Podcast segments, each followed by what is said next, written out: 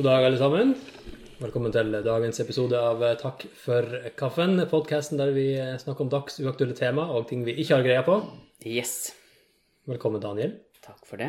Og eh, ja, Ja. så har vi med oss han Brede Christensen i dag. Ja, hallais.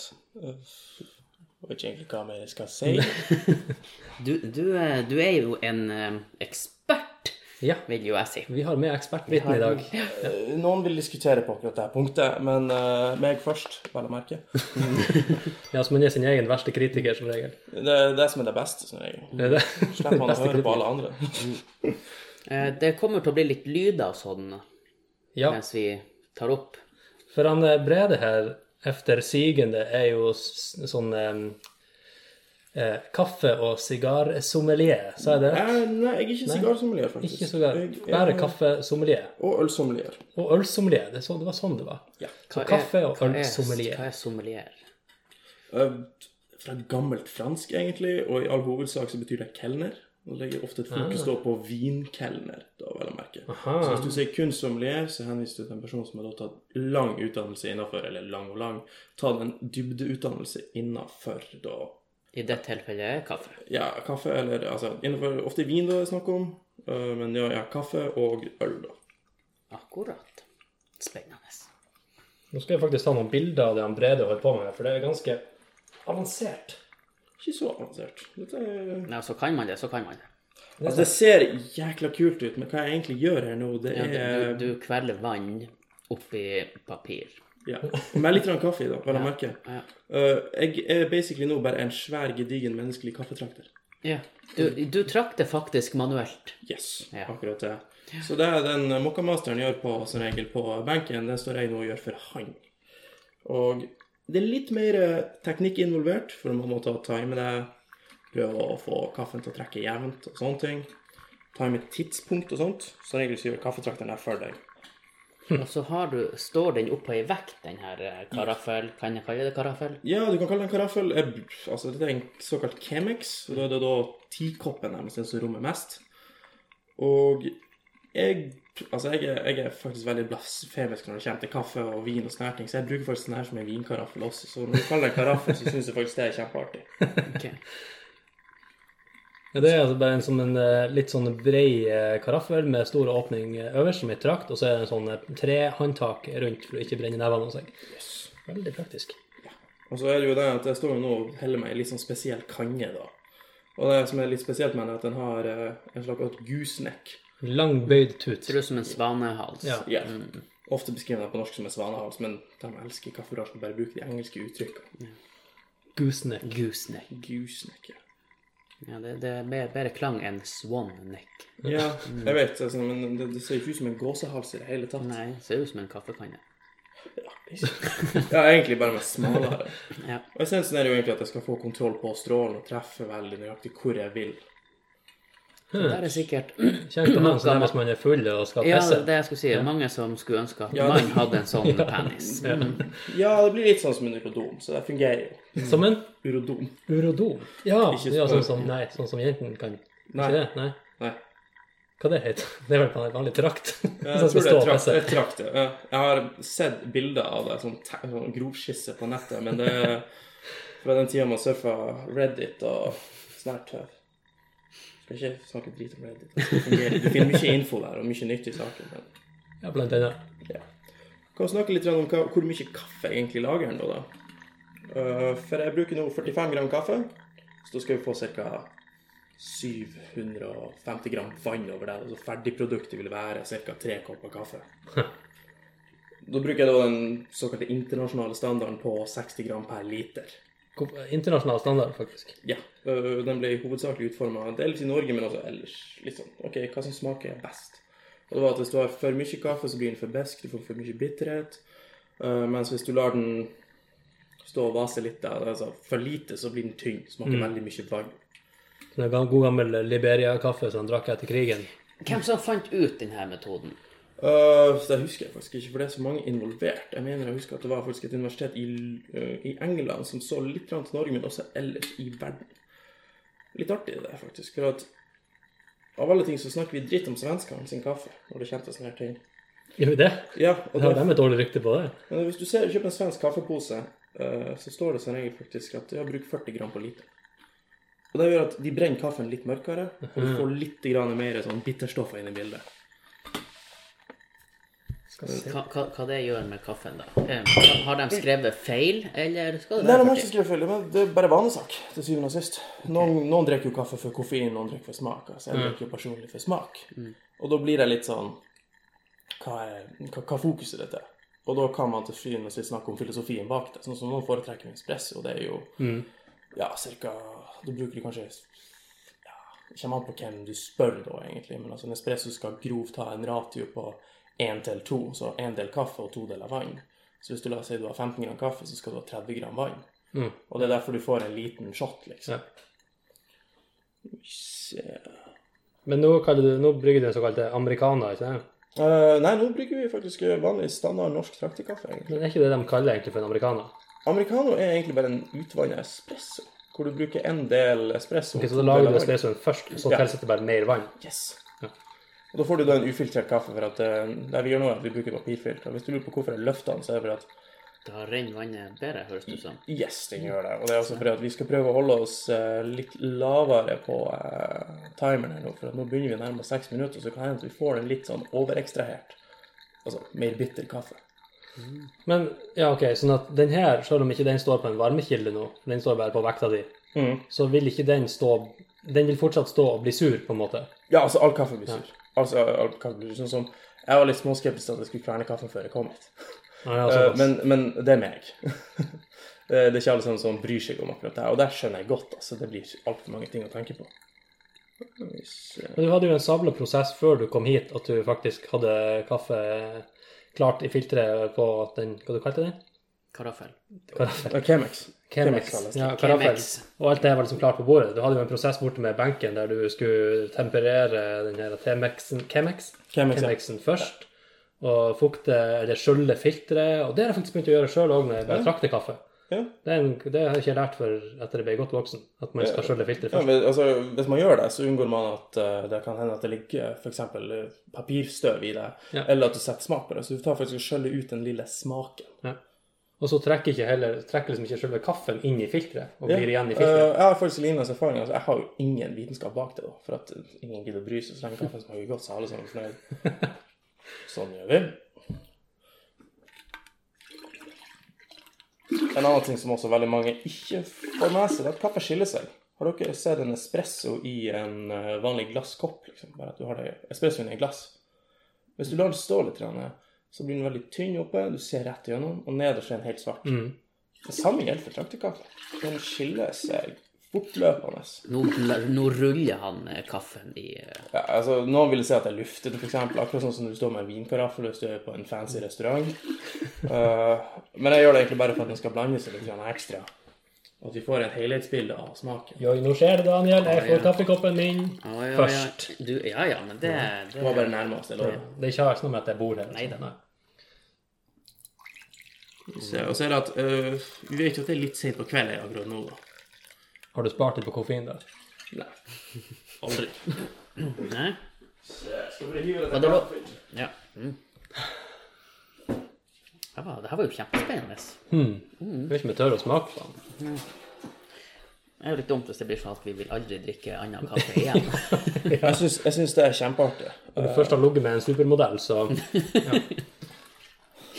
Litt vanskelig å Ja, altså Jeg kan jo nevne at jeg har jo ødelagt kaffe for foreldrene mine. De er jo litt sånn eh, Herregud, det, er jo så god kaffe de spiser meg, mens de, de koser seg med den der eh, Evergood. Jeg har ikke noe imot det. Men uh, når jeg kommer hjem, så vil jeg jo gjerne ha litt bedre kaffe. mm. Skal vi se. Er vi klare, da? Kan vi, får vi lov å Ja, ja, herregud. Eller skal vi, skal vi lukte på den først? Altså, jeg lukter alltid på kaffen først, men egentlig bare for å se om det er noe usmak. Jeg er sjøl fornøyd med brygge, liksom. Ja, hva du sier når du lukter noe? Er det, Altså- identifiserer du noe uønska? Nei. Og det typiske typisk uønska hvis det hadde vært. Det er jo ikke akkurat her og nå, for jeg har en brennedato nå på ja, under to uker siden. Ikke sant? Ja, og da er det sånn, Hvis den hadde vært oksidert, for eksempel, altså ødelagt på smak, så ville den lukta litt papir, eventuelt litt papp. Noen kan også få litt sånn hint av um, jeg vet ikke, Dere har gått i fjæra, sant? Ja. Så Oh, yes. kjenner dere tangen. ikke sant? Den som har skjølt helt opp på landet, bare ligger der i Ja, syltørken. ja. Det, Det det det bruker å hende. Det bruker å lukte av jeg, selv om jeg kjører på fjellet. Har du lenge siden du vaska bilen? Nei, Det er klærne. og da hvis man har Så bruker jeg å si at det lukter fjære. Ja, ja, men uh, jeg vil ikke si at det er feil. Men uh, skål. Skål.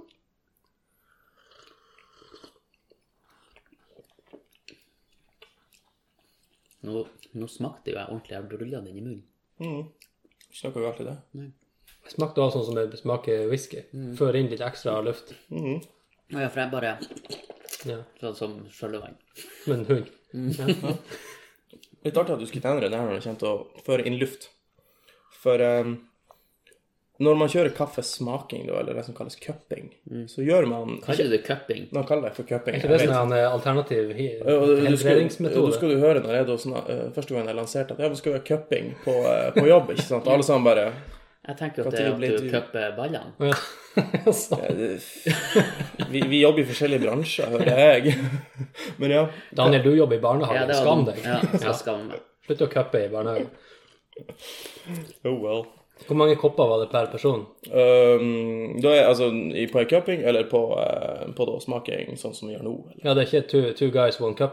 Nei, det er ikke noe sånt. Det er, du kan selvfølgelig kjøre i dobbeltcup med to cups hvis du absolutt vil, for vitsen sin del. Men um, Jeg bruker. Det er Null stress, jeg digger det. Det er mer enn at når man da kjører f.eks. opp mot ja, Når jeg kjører cuping, så bruker jeg å holde meg til fem til ni forskjellige. Helst noe fra samme kontinent, f.eks. noe fra, litt fra Afrika, noe fra India. Eller altså India og generelt Asia, kanskje litt indonesisk. Og så noe fra Sør-Amerika. Og det er egentlig bare for å få se forskjellene. øh, For folk er ikke helt klar over det. Altså Men er det litt sånn eh, For jeg syns jo at melka som kommer fra Norge, er den beste melka. Og sjokoladen som kommer fra Norge, er den beste sjokoladen. Det er på grunn av melka. Som er igjen av melka. Sjokoladen kommer ikke fra Norge. Nei, nei, men du skjønner nå hvem jeg mener. Vi har laga den her. Men det er ikke sånn med kaffe. Vi er ikke så gode på kaffe. Eller vi, vi har vel du, du, du kan, Nå tenker jo jeg mest på de her eh, Sikkert industrien, men du har jo dem som brenner sjøl. Brenner du sjøl? Jeg brenner ikke sjøl. Jeg har holdt meg langt ifra det av den enkle årsaken at jeg er litt for glad i å drikke kaffe, og jeg liker bare å prøve nye ting. Så hvis jeg skal ta brenne kaffe sjøl, så ender jeg opp med å prøve det på nytt og på nytt, på nytt og så hive det.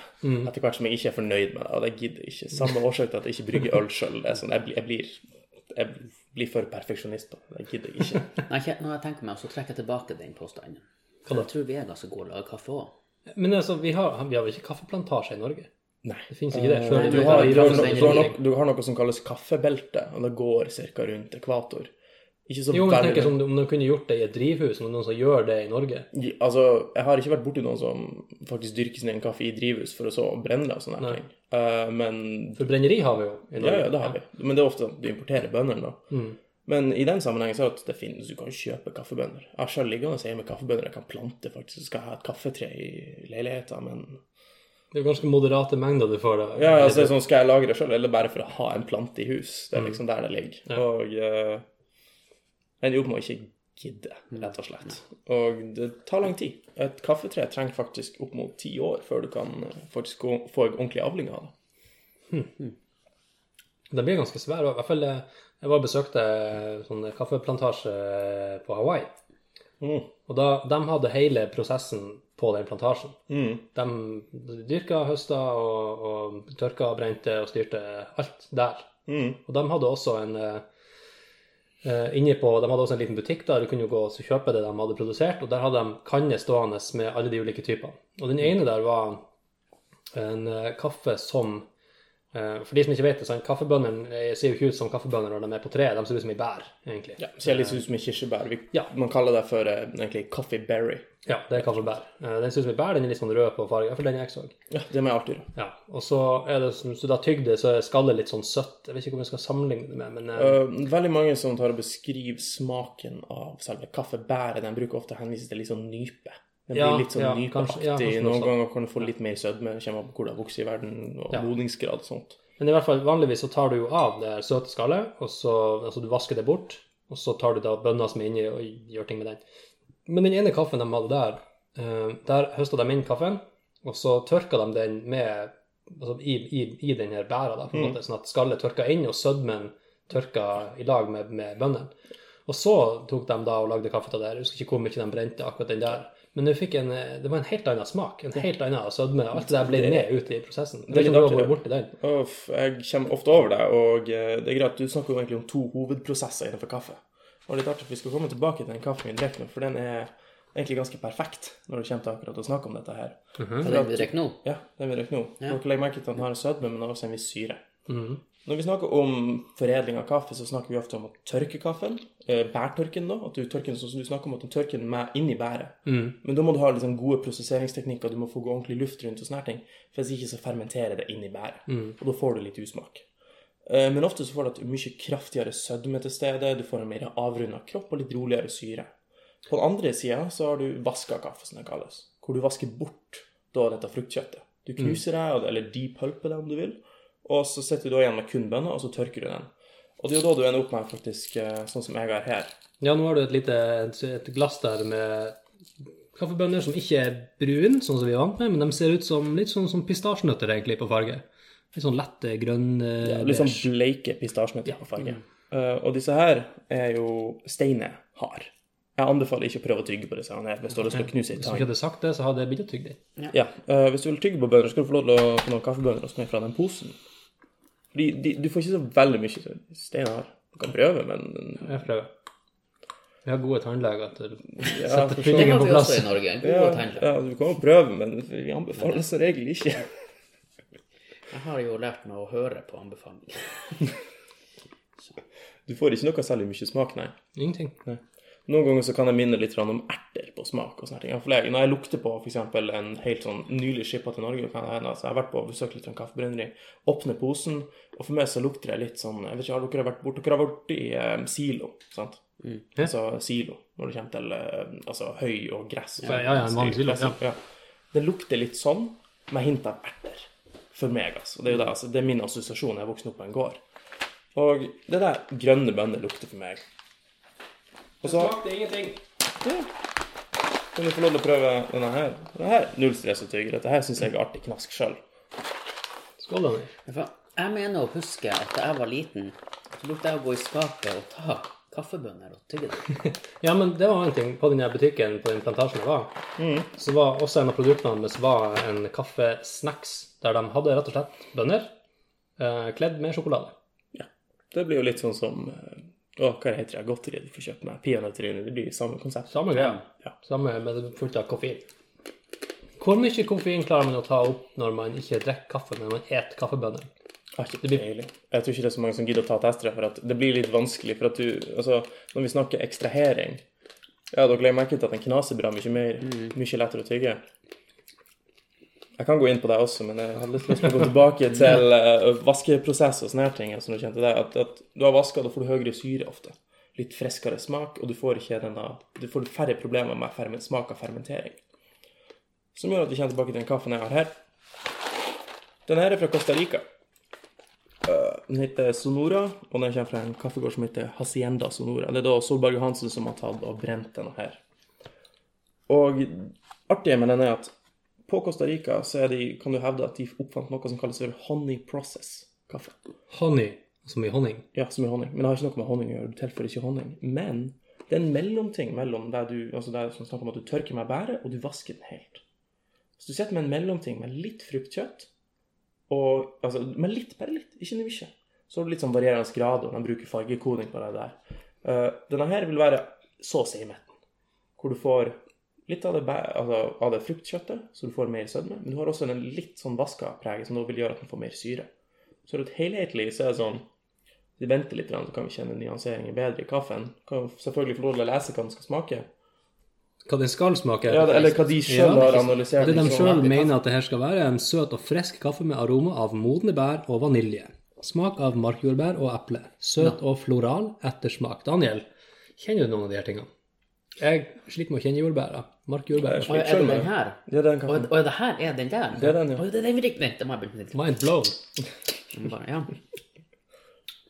Skal jeg smake på nytt? Jeg må se hva jeg skal smake. Ja, det er veldig kjekt i det for Ja. da kan man plante det litt sånn i hodet. Ok, det er det jeg skal lete etter. Okay. nå leter jeg etter modne bær. Jeg tar, det, tar siste resten Ja. Jeg, jeg har ikke drukket så mye kaffe. Jeg har drukket to kopper. Vanligvis så drikker jeg en liter kaffe. Om gangen eller om dagen? Men det som jeg kjenner Halv jo liter i gangen, som regel. Tre ganger om dagen. Ish. Det er ganske alvorlig. Ja, så har jeg dager der jeg ikke drikker noe kaffe i det hele tatt. Blir du, er du sånn at blir du, blir du shaky da? Nei. Jeg blir ikke shaky, jeg må ikke noe ekstra på do eller noe. fikk jeg litt ned i halsen, og det skal den jo. Um, jeg kjenner jo ingenting av det her. jeg klarer jo ikke å smake noe Mm. Jeg kjente litt Jeg kjente, jeg kjente søt mm, når jeg, den sødme. når jeg smaker lenge på den. Ja. Det, det, det er egentlig bare en sånn, sånn banesak. Hvis man drikker veldig mye forskjellig kaffe, så ender man selvfølgelig opp med å trene seg opp. Det er litt sånn som hvis du drikker veldig mye forskjellig øl, eller veldig mye forskjellig vin, eller veldig mye forskjellig whisky, eller andre, andre ting, så blir du til slutt vant til at det smaker sånn. Og som for eksempel, jeg, jeg kommer fra en liten bygd som heter Lavangen. Jeg kjenner jo veldig tydelig smaksforskjell bare på vann. Jeg drikker mye vann her i Troms, og drikker mye vann hjemme i Lavangen. Det smaker helt forskjellig. Jo, men det kan vi merke. det, det kan jeg sjøl merke også hvis jeg drar hjem til Finnfjorden og drikker vann. Mm. Hva, hva, hvor, hvor, det, hvor dere syns det er best? Okay, Av de to plassene. Nei, altså sånn eh, hvis, Altså for deg, da, Jørgen G. Ja, Tromsø jeg, er jo, og jeg, Finnfjord. jeg er jo vant med forskjell mellom Tromsø og Finnfjord. Ja, men hvordan, hva du syns er best ut av de to? Jeg foretrekker Finnfjordvatn. Okay. ja, ja. Hel helvetesvatnet, som det kommer fra. egentlig. jeg er på skolen der i to år. Det var artig. Det er godt vann. Husker ikke så mye. Jeg bodde i Trollvika nord for Finnsnes. Jeg drakk andre blanke ting. Ja. Nei, jeg gjorde faktisk ikke det. Du skulle hatt en vannekspert ne. òg. Du skulle ha det vært artig å få en vannekspert. Bare invitere noen fra kommunen. De kan ingenting. Vann og avløp. Kommer inn og bransjer resten. Bare, ja, Man begynner å kjenne på hardheten i vannet og sånn her. Ja, det må du tygge først. Det var knallhardt. Utrolig perfekt at du skulle nevne hardhet i vann, egentlig. For det har faktisk mye å si med kaffe også. Du vil ikke ha hardt vann når du brygger kaffe. Men vi har jo generelt ikke hardt vann i Nord-Norge. Norge generelt. Norge generelt, kanskje. Det er veldig perfekt. Det gjør at norsk vann er faktisk veldig perfekt til å brygge kaffe generelt. For at du får ikke Når du har mye mineraler, så Jeg, jeg kan gå inn i teknikken her nå.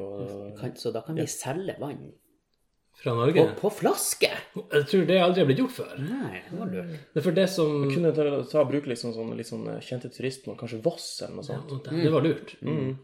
Bare ta vann derifra. Og Farris, den kjente plassen Farris, det kan vi selge. Eller Imsdal, eksempel. Imsdalen er jo kjent for vannet sitt. Eller Skutvikvatnet. Helvetesvatnet hadde vært en fin gimmick. Vann sånn. fra helvete.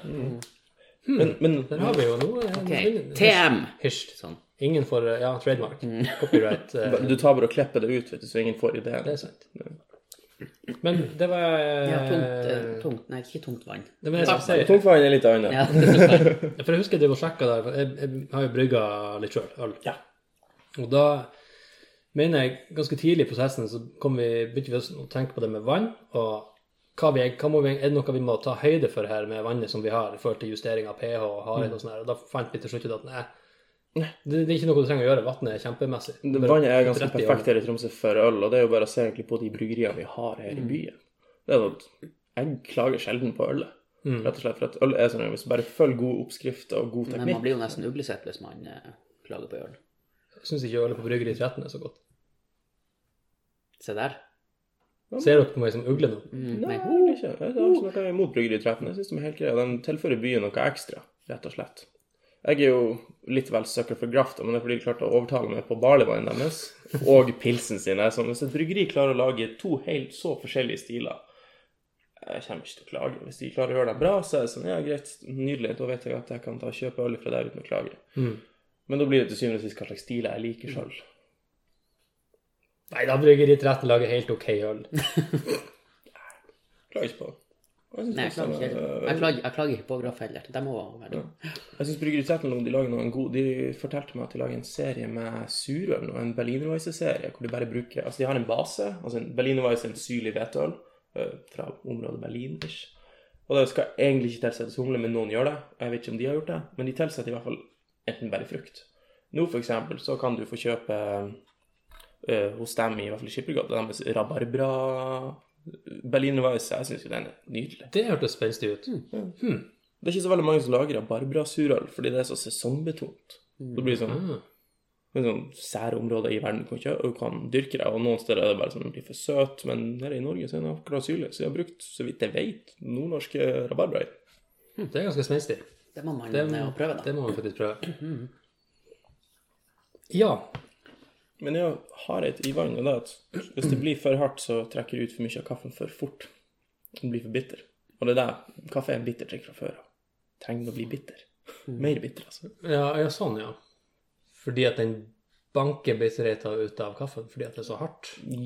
Ja, du kan ta den litt. Hva, egentlig, hva er egentlig hardt vann? Er Ja, egentlig er. Det er mye Det var bra du spurte om det. så. Når, når, når det er mye mineraler i hardt Altså, hardt vann, jeg vil si at det er mye mineraler i det. rett og slett. Ok. Så grunnvann har en tendens ofte til å bli veldig hardt. Det er det som egentlig er greia. Sånn som Så det er faktisk hardere. Altså, det har mineraler. Mineraler er jo hard Ja. i utgangspunktet. Rett og slett. Og så har du da bløtt vann, og det blir ofte overflatevann. Sånn som ifra ei elv så er vannet mye bløtere enn hva f.eks. hvis du tar og lager en kilde og har kildevann. Liksom.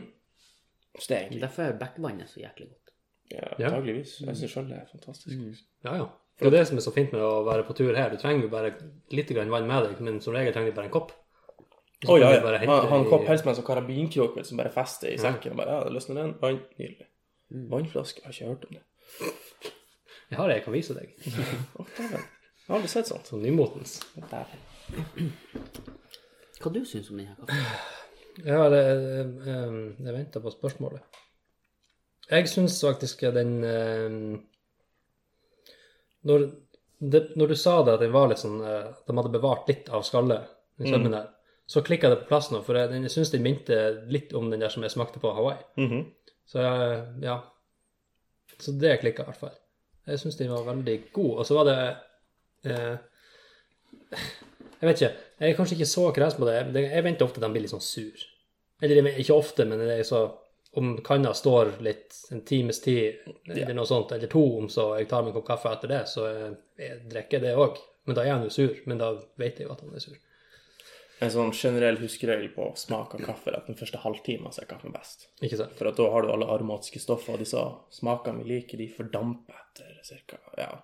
Men da skal den være lukka igjen i kaffekanna, liksom. ja, men det forsvinner uansett. Det brytes sakte ned. Eh, For oksygen er egentlig det meste av drikkevarer sin verste fiende. Det ødelegger alt, liksom. Det er sånn, ja, vi trenger det jo for å leve, men det tar jo og surner alt. Det er jo en grunn til vi kaller det for surstoff. Men smakte du alt det her? Nei, du spingler. Smakte du noe av det? Jeg kan også som at, kan jeg kan også si at personlig at jeg ikke kjente som veldig mye av det. Når jeg drakk den her, så tenkte jeg faktisk mer blåbær av alle ting, eh, og med et lett hint av kirsebær. Jeg får ikke noe særlig av den vaniljen, men jeg skjønner hvorfor den er der. For det er enkelte smakselementer jeg kjenner som jeg vet at kanskje på ei hand jeg kan kjenne, og han, folk som jeg kjenner, så er det at ja, de vil kjenne vanilje i den. Og det er egentlig til syvende og sist smak og behag. Sånn som jeg har prøvd veldig mye kul kaffe som er bærtørka, men er fermentert, vet du, og så sitter alle sammen Den smaker te. Jeg bare Smak på den. Så peker jeg på den etiopiske, og den som smaker da te. Ja, den smakte også te, men den var mer. Bare, det, det. Jeg husker at jeg smakte en kaffe som Den var jo fra Etiopia. Som, og den var også noe sånn veldig mye bær i. Og den, den husker jeg at jeg ikke syntes var så god. Men du likte den, da? Ja, men det var sånn helt sinnssykt mye. Ja. Mm, det, kan, det kan godt hende først at det ikke var en etiopisk, men kanskje en kenyansk. Naboland. Ja, ja, og den kenyanske, det er når, de, når de beskriver kenyansk kaffe, så snakker de ofte om at ja, det smaker bare bær. Det smaker litt saft. Ja. Det, Det, det, det skulle ikke smake det av kaffe i, i mitt hode. Nei, men det, det er en ærlig sak. Altså, veldig mange er jo vant til at den skal smake balansert rundt, og kaffe blir det et kjennetegn. Altså, kaffe er en smak vi diskuterer. Så når man da plutselig skal diskutere at en kaffe smaker andre ting igjen, Ja, det blir feil. det blir veldig feil for veldig mange. Ja. Og det er jo da jeg, jeg har kommet over den i motsatt retning. Jeg kom over en kaffe som de beskrev skulle smake rødvin, og da var jeg sånn Hva er det min rødvin smaker, egentlig? Da ble jeg litt sånn yeah. Har du smakt rød? ja, sånn, yeah. Og så har jeg også drukket en kaffe som eh, var Den har vel blitt spist av noe dyr først. Å ja, den der kattekaffen. Ja, Kopi Luwak, ja. Mhm. ja. Har du smakt det? Ja, jeg, jeg vet ikke om det er den. Smakte det skit? Men Nei, det smakte jo ikke skit. Men eh, Du er den første som sier det. ja. At den ikke gjorde det. Ja, nei, Nei da, det, du er ikke den første som ikke nei, for det var jo Det var jo litt rart å smake på den. Ja. Altså, jeg fikk jo ikke vite hva det var først. Litt dårlig gjort, men Ja. eh, hva har man ikke kompiser for? Eh, godt sagt. Og så, eh, ja. Så jeg syns jo Jeg hadde sikkert drukket en annen kaffe. Det var ikke sånn mm, Her har vært igjennom et dyr. Det, Men det er, jo, det er jo sånne ting man ikke ofte tar å snakke om, men at det er jo en egen Det er av en annen grunn en rar prosess som oppstår på Sumatra. Vi dyrka kaffe, og så var det en liten sånn lemurlignende sak som kalles luak. Den klatrer opp i trærne, og de er jo sultne dyr. De er jo vant til å spise røde bær og alt det de finner. De begynte å spise på disse her. Og det er greit. Dere ser nå på de grønne kaffebønnene her. De er jo steinharde. Så hva du gjør? Jo, kan hende du tar bare og tygger av fruktkjøttet, og så svelger du bønnene. Så går det gjennom tarmsystemet etter hele pakka. Det blir jo litt sånn smått fermentert, men det blir jo helt vaska. Alt av næringsstoffer blir jo tatt opp. Og da, når det da kommer ut igjen, så er det jo da i Ja. Og da er jo ryktet er jo da at folk etterpå gikk og samla opp etter dem og plukka ut bøndene, vaska de på nytt igjen, og så brente de. Og det, da brenner du jo på altså du brenner Ut ifra hvilken brenneprofil du vil ha, så er det veldig standard å brenne først på ganske høy temperatur, sånn rundt 200 grader, kanskje litt mer. Kommer an på hvem du spør, om du skal ha espressoblende osv. Så, videre. så du dreper jo bakteriene. Men så er spørsmålet hva du sitter igjen av smak, egentlig. Det er Er det et hypotetisk spørsmål? Vet du hva du får igjen av smak etter å ha vært gjennom tarmkanalen? Ja, det, har jeg ikke peiling. Du kan spørre de folkene i P3. De tok jo gjorde det bare med en person. For det kunne jo bare latskap. At de tenker at eh, vi gidder ikke å klatre opp og plukke den kaffen sjøl. Nå kommer den jo, det regner jo ferdig for vaska at- ned ja, altså, altså, dyrene vil jo plukke de bærene de anser som Dette her ser ut som et bra bær. Den er liksom moden, perfekt, er mye smak av den. Ja. Og da kan det jo godt hende Så folkene på bakken tenker jeg, kommer det jo, det regner jo kaffebønner. Det er jo bare plukk. vi skal jo ikke drikke der sjøl. Vi selger det jo til Vesten uansett. Ja, ja. Ja, ja. Og det er jo svindyr kaffe. Faen òg. Det må nå ta en stund å samle noen never med. Ja, for skal du jo gå etter den lemuren ja. med hendene ute og vente på den. Ja, forhåpentligvis. Men så er det jo det at det ble jo en sånn gimmick-ting til syvende og sist. Altså, Ja, er får- det noe marked for det nå? Altså, er den, er den i mainstream Jeg vil ikke kalle det mainstream, men det er jo de der som er veldig sånn De som, de som ikke har Altså, nå bryr man seg litt mer om hvor den kommer fra, kanskje prosess og sånne ting, men det er litt sånn avleggs. Det er sånn type 10-15 år tilbake i tid at det der var superkult, superhipt. Ja, nettopp. Og da får du et litt sånn problem nå MDG drikker mye av den kaffen. Kanskje. Jeg har ikke peiling. Jeg har ikke spurt dem. Miljøpartiet De Gale. Ja. Men vi eh, Ja, vi kan jo runde av kaffekapitlet litt. For vi har masse annet å snakke om òg. Ja, vi har uh, litt ekstrasaker. Jeg tok meg en pose Ja, med litt artige saker. Og så fikk jeg beskjed om å spørre deg om to ting. Ja. Den ene er T-skjorta di, og den andre er kaffekoppen din. ja. På, jeg, har, jeg tok med min egen kaffekopp, for jeg er en sånn særing. Og det er en Jeg ganske ble litt fornærma, kjente jeg, at ja, altså... min kopp ikke var god nok. Men Ja, Jeg visste jo ikke hva slags kopp det var. Du hadde ikke sendt bilde av det. eller noe sånt. Jeg var ikke forberedt. er. Jeg tok med denne her for at det er en litt sånn artig historie bak denne her. Uh, når jeg studerte på universitetet en gang i tida, ikke så lenge siden, det er grovt fire år siden, så hadde jeg alltid med meg en kaffekopp. Det er ganske standard. det er sånn, Hvis du tenker en sånn typisk eh, ja, amerikansk eh, kontorlandskap, kaffekopp, så ser den sånn ut. Helt hvit, men den har enkelt og greit fire ord på seg. Den står 'chill the fuck out'. Jeg brukte å ta den med på hver eneste eksamen jeg hadde. Så når alle sammen satt der og var sånn superstressa bare faen, hva er det neste vi skal gjøre? Jeg vet ikke hva vi får på eksamen. Så bare tok jeg rolig fram en termos, satte den ned, slappa litt av, fant fram koppen, vinkla denne mot denne så som var mest stressa, og tok rolig en stund. Jeg tok jo og lagde litt lyd. Det var rett før åpninga av eksamen. du, Sånn, det er jo litt snakking og sånn, så, så skrur du av og heller oppi. Og ja.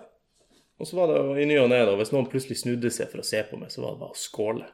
Og bare sånn, halles. Bra. Så jeg var den kuken. Ja. Jeg skal ikke lyve, jeg var ganske så arrogant på universitetet. Helt forferdelig.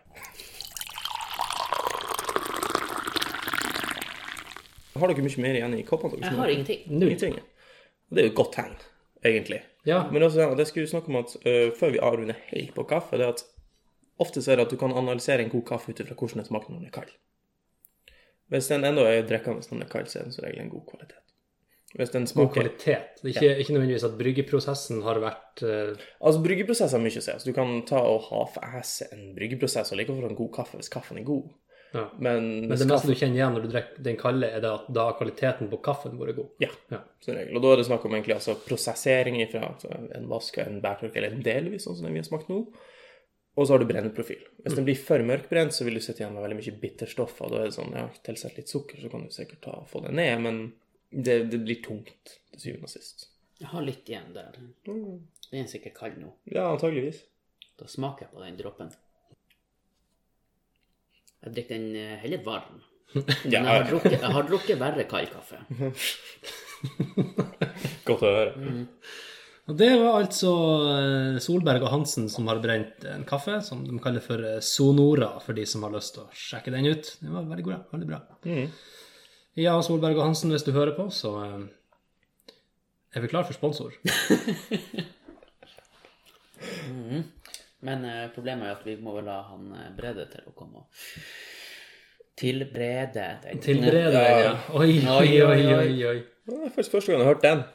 Jeg har hørt alltid fra ja, øh, som bare, ja, Brede seint enn aldri, og noen som skulle gratulere meg på bursdagen min. Det var ganske så artig. Jeg bare, ja, nice, nice. Jeg elsker pøns. Eh, en dårlig vits er min favorittvits. Jo tørrere, jo bedre. Da Jeg vet ikke hvor jeg håper den her havner, for jeg liker jo å ha gode vitser. Jeg synes det var det. Det var artig. Det var litt sånn forfriskende å få høre noe andre enn hva det her dårlige Ja. Jeg er jo en hund for ordspill. Alt som er ordspill, syns jeg er kjempeartig. Fantastisk. Jeg hører at jeg er i godt selskap. Selvfølgelig. Eh, Da kan vi jo takke for kaffen for første gang, i hvert fall, eh, Ja. på denne episoden. Ja. Takk for kaffen, eh, Brede. Ja. Bare hyggelig. Ja. Eller bread, Bread, ja. som de kalte deg på skolen. Ja, de kalte meg på videregående for at jeg gikk på skole med veldig mange som ikke snakka norsk. I den forstand. Jeg gikk på internasjonal skole, så når du har en haug med altså folk fra Marokko, fra Russland, fra Estland og eh, Vi hadde ingen briter av en eller annen grunn. Men ja, og så var det en kar fra Nederland, og da var det sånn Ja, OK, um, du blir litt lei av å høre navnet ditt uttalt feil 30 ganger om dagen fordi de skal henvende seg til så bare OK, har dere et kallenavn til meg? Ja. Jeg bare, ja, bread? I'll take it, I'll take it. Bare, ja, greit. Og det ble litt stuck, da. Ja. Endte opp med at jeg fulgte meg videre på universitetet, for ei, ei sidesetning som sa at ja, kallenavnet på videregående var bread. Og da bare perfekt. Alle sammen digga det, og jeg nevnte det i forbifarta på jobb, og da ble det stuck der òg. Er det sånn da at på de gravstøtta så blir det stå Brede, anførselstegn, Bread, Christensen. Var det Kristiansen eller Kristiansen? Kristiansen Christensen. Eh, Altså, jeg vet ikke. Det høres ut som en, noe jeg ikke trenger å planlegge. Det kommer i hvert fall til å stå på denne episoden sin tittel. Ja. Uh, det artig. Brad Christensen. ja. Jeg håper litt videre nå. Dere kommer sikkert til å lure på hva faen jeg har gjort. Du har med deg mye rart i denne veska di. Det er egentlig to litt forskjellige saker her nå. Okay. Det der er ikke kaffe. Det kan Nei. jeg fortelle deg med en gang. Det er ikke kaffe i det hele tatt. Uh, Se på korsken. Ja. Det er da eh, to eh, øl fra To øl, kan påpeke det. Det er fra et bryggeri som heter Pojala. En brygge i Estland. Og dette er deres, er i en serie med øl som de har laget som de kaller for Cellar Series, eller Kjellerserie. Ah, ikke cellerserie. Nei. Nei. Cellar. Og det er da eh, to litt forskjellige ølstiler, men fellestrekket er da at de er fatlagra, og de er ganske sterke i alkoholen. Jeg hadde latt Oi, ja, det ser jeg jo. 12,39 og 13,6. Oi, oi, oi. Daniel, ups, ups, du må eh, Ja, så ta dette- taxi hjem i dag, selv om du skal gå. Eh, Nå skal vi ordne spyttebakke. Som vi gjør når vi har vinsmaking på jobb. Nei da, det skal Nei, nei, vi skal smake alt. Hele, hele, hele veien ned. Ja, for jeg tenkte at enten så tar vi begge, eller så skal vi få lov til å velge. Uh, Det er uh, som sagt litt grann sære saker. Den ene her, kan jeg lese hva som står her, det er en An Imperial Stout aging Scotch Whisky Barrels from Isla. Så det vil si at det er da en ganske høy alkoholprosentøl. Imperial betyr bare dobbelt opp med alkohol ofte. På stout-fronten så vil jeg si at du ligger på rundt sånn 10, altså 9 til 12-13, men noen driver på pusher opp mot 17. Jeg prøvde for så vidt i helga en som var 17,5. Det er galskap. Men her snakker vi litt roligere, da. Og sammenligner med 17, da. Den ligger på 13,6. Og når du sier Imperial Stout, så er det en svart øl. Og svart øl generelt har ja, mye kaffesmak, ofte hint av sjokolade og sånne ting. Og her har de også laget den på scotchfat fra Ayla. Og de som da drikker en del whisky, de vet at Ayla er ofte synonymt med litt mer kraftigere røyktoner til stede. Det står ikke noe spesielt om hvilken type Ayla-fat, men det er da eh, ganske tydelig røykpreg. Artig med denne her, jeg har faktisk lagra denne her en stund. Den har stått siden Skal vi se Siden 2017, tror jeg, mener jeg å huske. Og det er jo litt interessant, for det andre her er kanskje mer interessant når det kommer til lagringsperspektiv. Dette her er en Den heter Laugas, den andre her. og Den er en barrel-aged Imperial Groot. Og eh, ja, en, It's a traditional ale spiced with Estonian herbs, caraway and juniper berries aged in bourbon barrels. Og da er det jo egentlig det, altså Drikker dere mye akevitt? nevnt kun til jul. Ja. Og da jeg er ikke sånn kjempefan av akevitt. Jeg prøver det hvert år, men det, det blir liksom bare en blir slurk, og så kan han pappa få resten. Jeg syns det er veldig godt. Jeg syns det er sånn Jeg vet du hva, det var ikke godt i år heller, eh, men eh, jeg prøver gjerne igjen til neste år. Ja, ja, men det er en ærlig sak. ikke sant? Man, man gidder ikke å gi opp, i hvert fall.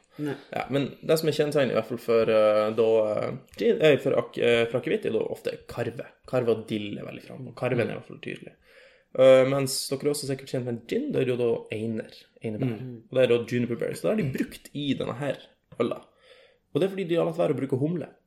Uh, humle er da det, uh, altså den, altså det er på en måte krydderstoffet som du bruker ofte til å tilsette fruktsmak, eh, men også da konservere mot kokerein. Så har de ikke Ja, tilsatt Bitterheten fra i øl kommer fra omlås. Ja. Når du koker rein, så får du ofte bitterhet.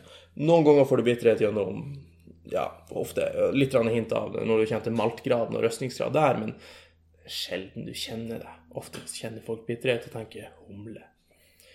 Artig med den her at det er en såkalt grut. Men den er jo også på ja, 12,3% Grut er egentlig bare en såkalt eldgammel ølstil, egentlig. Det var før de fant ut hva humle var, og hva de kunne bruke det i en øl. Tenkte det var han i I am Groot. Han i Groot! Ja, jeg bruker, jeg bruker, jeg bruker å kødde ofte med det, men det skrives litt annerledes. Uh, men vi kan bare si Groot, egentlig. Det er like greit. Her, Da vil den utvikle seg litt raskere, for du har da mer urtetone til stede, selvfølgelig. Så det er mer en krydra øl enn hva det egentlig er noe annet. Men de har brukt i basen da, en barley wine, som er da maltdrevet. Sødme, malt. Og selvfølgelig har de jo fatlagring på bourbon. har de, Det vil da si at de har fått ei tønne som det har vært lagra bourbon på? Yes. Okay. Som de da har bare fylt med øl, og så bare latt stå i Ja, det står ikke hvor lenge, men ja, det blir ofte opp noen måneder. Og så tar de og brygger en ny øl i samme batch, og så tar de og blender det inn for å finne en balanse de er fornøyd med. For fat er ei tønne. Ja. Hvorfor? Hvorfor det heter fat? Ja, hvorfor kunne det ikke hete tønne? Det er samme greia. Jeg vet altså, du tenker på sånn som tallerken. Ja, så jeg tenker jo fat. Det liksom Ja, en tallerken. Ja. ja. Nei, jeg ser den, jeg ser den. Jeg har ikke peiling. Nei. Jeg bruker det De om. kaller det jo for barrel. Ja. Jeg ble ganske stor, husker jeg. we are laboring this beer on fats. Uh, det, de sier jo ikke det. de sier jo casket. Men det, Skal vi snakke om nå? Jeg har tatt litt ut. altså lagring av Altså på fat. Mm. I sånn her. Er ikke det casket de sier da? Nei. Altså, de, altså, I hvert fall i ølverdenen så bruker de barrel aging. Barrel. Eller sånn som når det skrives bourbon barrel aging, så bruker de ofte å bare lage akronymet BBA. Og det er da de begynner å prøve å etterligne på andre ting, sånn som RBA, rum barrel aged og sånne her ting. Men korken korkene var jo jævla stilig. De ser ut som smelta eh, plast. Ja. Det, det, det ser litt ut som sånn, ja, sånn der eh, du siler ja, gamle Sånn der voksforsegling Ja. på Det er voks. Det er det nok, Det er faktisk voks. Ja, Det er, ene var oransje, og den andre er grønn, så det var jo lett å se forskjell. ja, ja. Og det er artig. Det, For de som ikke er sånn her, hva er noe, oransje eller rød-grønn fargeblind, de er kanskje, kanskje sliter litt. ja, det kan være litt vanskelig, men jeg tror de skal klare det. For den ene oppleves jo litt lysere, og den andre litt mørkere, heldigvis. Men ja, det er egentlig at de gjør det for at det er da i den såkalte kjellerserien deres. Og det er at du skal kunne lagre øla litt ekstra. Og når du da tar og legger voks på korken, så vil ikke du få den der samme mengde um, gassutskiftning og sånt. Altså du får ikke ut at litt gass slipper ut, og litt oksygen slipper inn. Det er litt sånn mot sin vilje, for ofte når du kommer til f.eks. en barley wine som dette her praktisk talt er, altså denne gruten, altså den laugass, den har godt av det. For en, hvis den oksiderer litt, ikke mye, men litt, så får du litt økt syre. Og istedenfor kun sånn søt sirupmalt, så får du smak av kanskje aprikos, nøtter og litt sånne ting. Det er veldig varierende ut ifra hva slags ølstil, og om den er amerikansk eller britisk, men jeg kan si med en gang at amerikansk barlevin er ofte veldig bitter. De elsker, Ja, er krefter, elsker humle. Så. Men hva trenger du for å åpne den der eh, Må vi knive av den her voksen først? Har du, har du en vinåpner? For jeg glemte å ta med min. Det var den ene tingen jeg glemte i dag.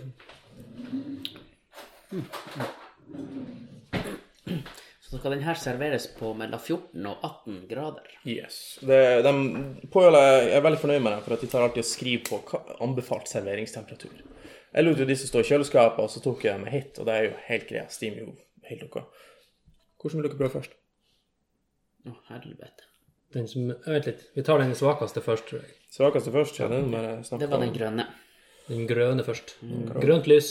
Nei, så dette er min favoritt sjøl. Og jeg vet at uh, hvis noen av mine kollegaer eller noen andre jeg kjenner tar og hører at jeg driver og spretter denne her på en podkast, så blir de sånn Hvorfor delte du ikke med oss? Ja. Det er min favoritt. Jeg elsker å gjøre det, for at det blir uh, bare kela.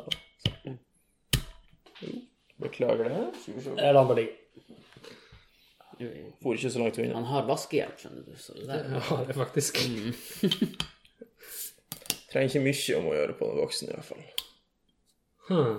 Vi ser, altså jeg, jeg foreslo at vi skulle bruke kaffekoppene, og det er egentlig en liten sånn tradisjon jeg og noen kompiser av oss, uh, kompiser meg har. Var det ikke godt? Det lukter så jævla godt, det er det som er problemet her. Ja, nei, forslaget mitt rundt at vi skal bruke kaffekoppene igjen til å smake, det er ikke fordi at ja, vi har hatt kaffe i dem, vi kan skjølle koppene hvis dere vil.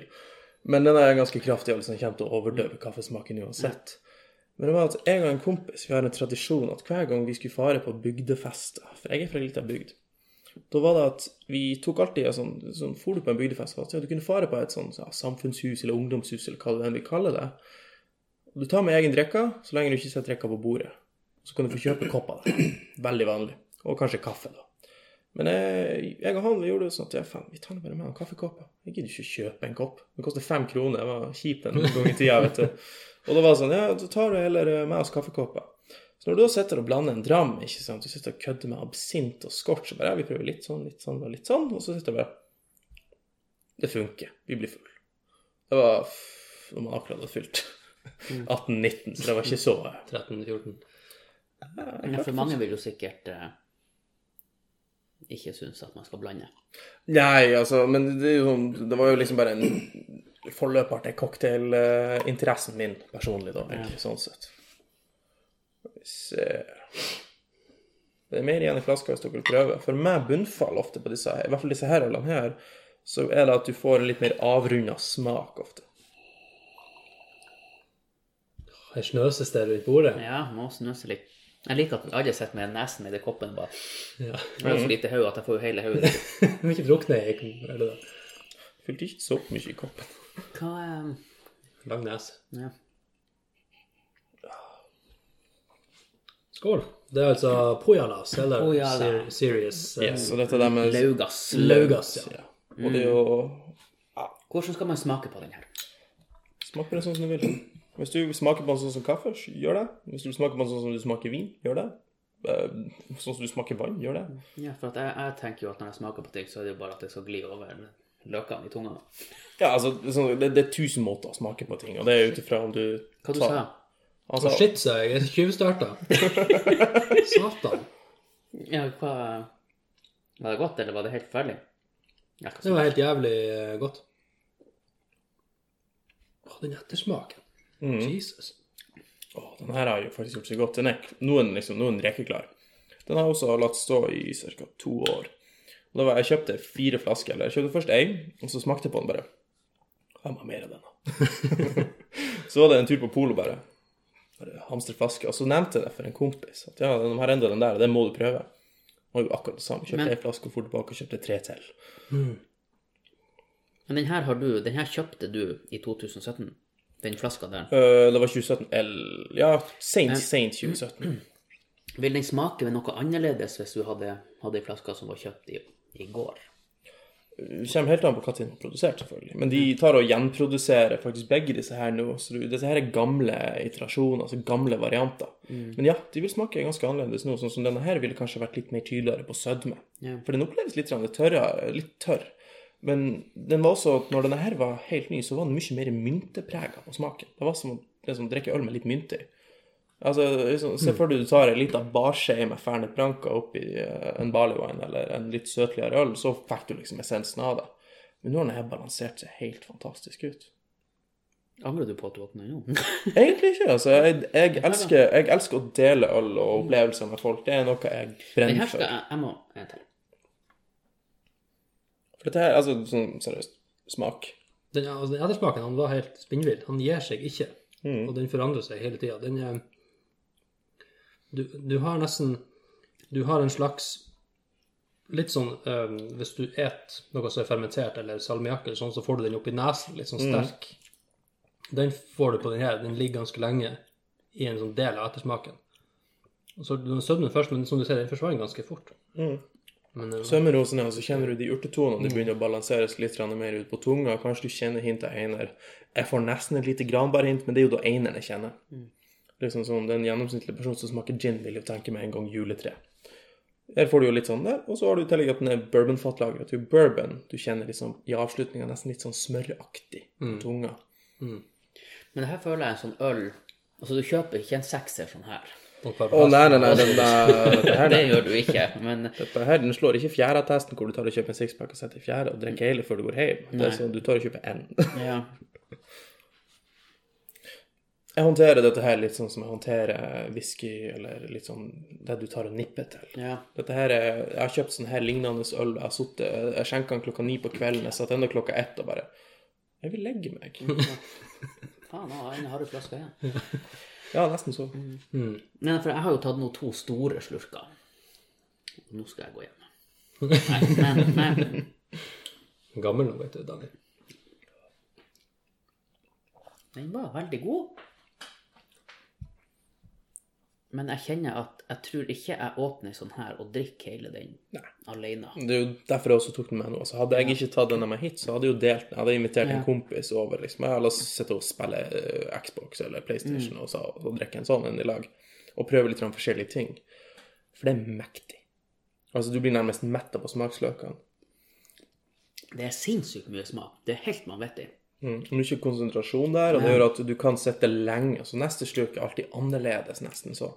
For du går inn i lagene på det. Så nå, du, nå du vant f.eks. til sødme, neste så kjenner du krydderet, neste så kjenner du fatet. Mm. Ja, jeg skulle til å si det. Han blir, han blir helt annerledes fra slurk to eller tre. Og... det har egentlig ikke vært, jeg har egentlig ikke vært borti det før. Ja, dette her er sånn ob- superobskurt, superhipster, og det er egentlig eh, sånne her ting jeg digger. Det er litt artig. Jeg har jo en, eh, en barleyvine som jeg tok opp til i anledning at du skulle komme på besøk, som vi har brygga sjøl. Den satte vi i 2017. Litt usikker på akkurat når 2017, men den er jo da rundt to år gammel nå. Mm. Så tenkte vi eh, sprette en, en i året Ja, foreløpig. Så Det- det... vi får være med på det. Har, altså, det syns jeg er kjempeartig. um, ja. Balloen er jo ment å bli lagra, så det er jo Men jeg skal ta den ut av kjøleskapet, for den trenger ikke være iskald. Det er fornuftig. Ja, hva du tenker Her er Jeg tenker at um, den her Altså, jeg syns den her var veldig god. Den var, jeg har aldri smakt noe lignende. Eh, så det var, det var litt uh, Den var ganske spenstig på tunga. mm. Nei, den var god. Jeg skjønner vi at lytterne kan- kommer til å hate oss etter denne episoden. Ja, ja. Vi sitter her og mollkoser oss med ja men vi må ta bilde av den der, og så legger vi ut. Ja, ja, ja. Ja. Uh, et liten, liten sånn forbehold der, og det er at den produserte ikke denne her på nytt igjen. Ok, ja. Bare strø salt i såret. ja. Ja, nei, jeg eh, Men Jeg skal være ærlig der. altså Du kan selvfølgelig lete, kan hende de har den bortgjemt på et eller annet pol eh, et eller annet sted i Norge, men Og det kan hende de kommer til å lage den på nytt igjen om noen år, eller til neste år, eller for alt jeg vet om seks måneder, men akkurat nå så er det Da blir jo ikke den likevel å havne for salg før etter en god stund etter den er brygga. Yes, for den må jo også fatlagres og masse sånne her ting, så det er jo der det ligger. Skal jeg ærlig innrømme litt til vinovner var Jeg er faktisk veldig fornøyd med den der. Solid uh, Mm. sak. Jeg tror det faktisk ikke er noen sånne her ting som du får fra det som Polet har som sin. Nei, det er faktisk ikke. Det helt ordinær Coop.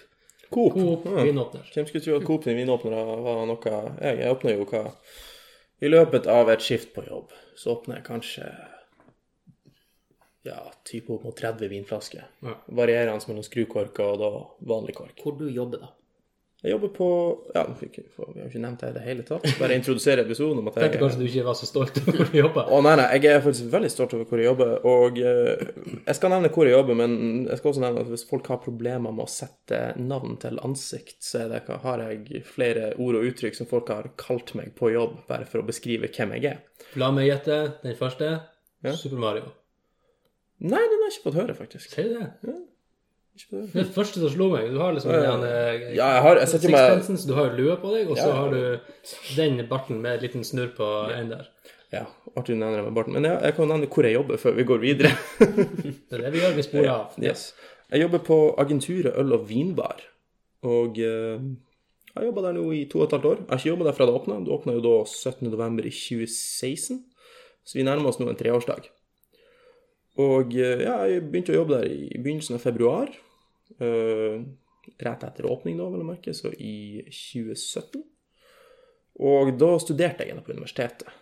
Men så ble man jo så forbanna forelska i uh, smaker og prøve nye ting og sånt, og da balla det jo på seg. Jeg hadde en liten kjærlighet for alle fra før av. Jeg hadde jobba på et mikrobryggeri og pub i heimbygda før det.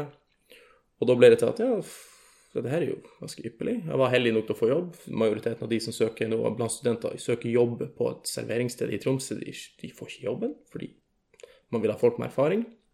Det er ikke løgn. Og når jeg da var ferdig med universitetet og ferdig med en bachelorgrad, så var det sånn Hva skal jeg gjøre nå? Og bare, ja, jeg vet at dette studiet som jeg da tar nå, er det ene faktisk på studiet. Så jeg har tatt nå ølsommelier, kaffesommelier.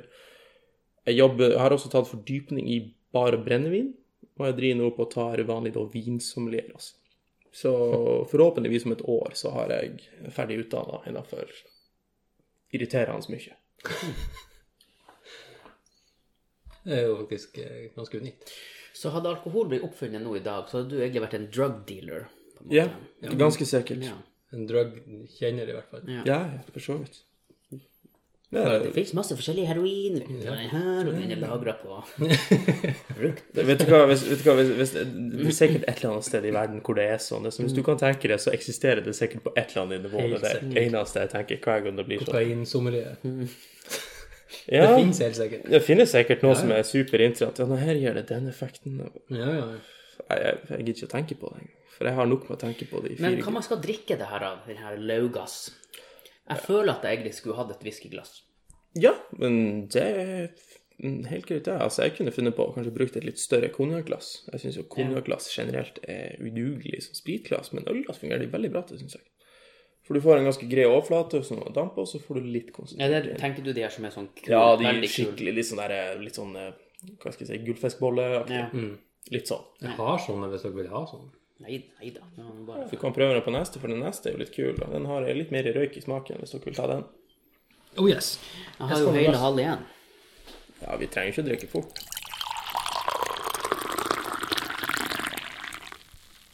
Ok, da er vi klar for uh, den andre, og den heter Den heter Ja, faen òg. Altså, nå, nå skal vi bare poengtere at jeg ikke kan estisk. Eh, jeg kan heller ikke finsk. Jeg skal nevne at disse her karene Pojala er jo egentlig da noen finlendere som syntes det var litt for vanskelig å brygge øl i heimlandet, så de flytta til Estland. Det var lettere å eksportere øl derifra. Ja, sånn. Ja. Så hvis dere lurer på hvorfor dere finner veldig lite finsk øl i butikkene i Norge, men også på Polet f.eks., så er det faktisk at eksportreglene er litt vanskelig å ha med å gjøre, og det blir ofte for dyrt til at man gidder. Men ja, den her heter Pimé, og så er det sånne, sånne svenske øer. Islay BA, altså barrel aged. Ja. Dette er da en barrel aged imperial stout. Og jeg lukter jo da på tuppen av flaska her og bare sånn Åh, det lukter som gode minner. Lukter lange kvelder. Ja, det er også for så vidt. Og så litt sånn, sånn lett hint av uh, et uh, litt sånn lett husbrann. Lett husbrann? Ja, ja, så lukter jo røyk. Skal ikke lyge. Men sånn, det var ikke det at uh, noen sovna med sneipen Uh, Å nei, nei, nei, det blir ikke så sur lukt. Samtidig som dere drakk den øla, tenkte jeg på. Å nei, det har vi heldigvis på å helvete. Daniel, Ja. må du ta for deg. Den er ganske kald, da, så jeg faktisk anbefaler å varme den litt grann i. Derfor jeg elsker disse glassene her, når vi får litt sånn Den her var jo jæklig mørk. Ja. Det ser ut som eh, at jeg skal drikke cola. Ja. Å, dæven. ja. Det er du Ayla-fatlagringa, det, som du kjenner jo Jeg, jeg kjenner jo at eh, jeg blir overraska hvis jeg syns den her er god. OK? Oh, ja. Det blir stille rundt. Nå ble jeg stille. Jeg hadde håpa han skulle si det han bruker å si når jeg sier sånne ting. Jeg tenkte, ja, men det var en. Det var han ikke denne gangen. Bare sånn, bare sånn hvis, hvis noen lurer, så var det sånn judgment i øynene. Det bare sånn skikkelig ja. Ja, ja. Hva du lukter? Det lukter mye treverk. Mm. Det lukter whisky. Det lukter mer treverk. Litt sånn råttent treverk, eller litt sånn fuktig treverk. Ja, jeg skjønner hvor du vil hen. Jeg tenker med en gang liksom sånn hvis du går og um, Går på ei kai Ja, Ja. perfekt. og er under kaia, og så har det nettopp vært flo, men det blir fjæra. Så går du og lukter på det som har vært i. Og det er jo ikke så forbanna uvanlig når det kommer til enkelte Islay-whiskyer. For du får den derre liksom, Takket være torva det er jo, det er jo på øygruppe, ikke sant. Så torven den er jo egentlig bare fullt av tang. Så du Ja. får deg sjøsprøyt og litt sånn saltpreg inn i bildet. Mineralitet, om du vil kalle de det på det såkalte fagspråket. Ok, nå smaker han, Jørn Inge. Nei, Nei. jeg skal ikke da Jeg, skal ikke, jeg gjorde ikke det. Nei, men du har smakt. Ja, jeg smakte. Ja, men du har ikke smakt den før Ja, eh, jeg kjøpte tre flasker. Skal jeg smake først? Ja, vær så god, Ok, nå skal jeg smake. Jeg tjuvstarta i stad. jeg kjenner at eh, jeg gruer meg til den her. Gjør du det? Ja, for jeg, jeg er ikke så glad i mørkt øl. Det er bra. Jeg har, vi har mer flasker hvis du vil ha mer etterpå. altså. Ja. Men det kan hende at, eh, at jeg egentlig er glad i det. For jeg skal være ærlig med ikke drukke så veldig mye av det. Ja, men det er som regel der folk ligger når det Ja. kommer til øl og sånt. at Ja, for det, ikke det prøver. mørke ølet jeg kjenner til, det er jo Newcastle.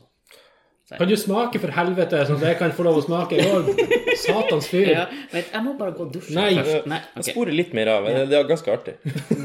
ok. Nå, nå smak.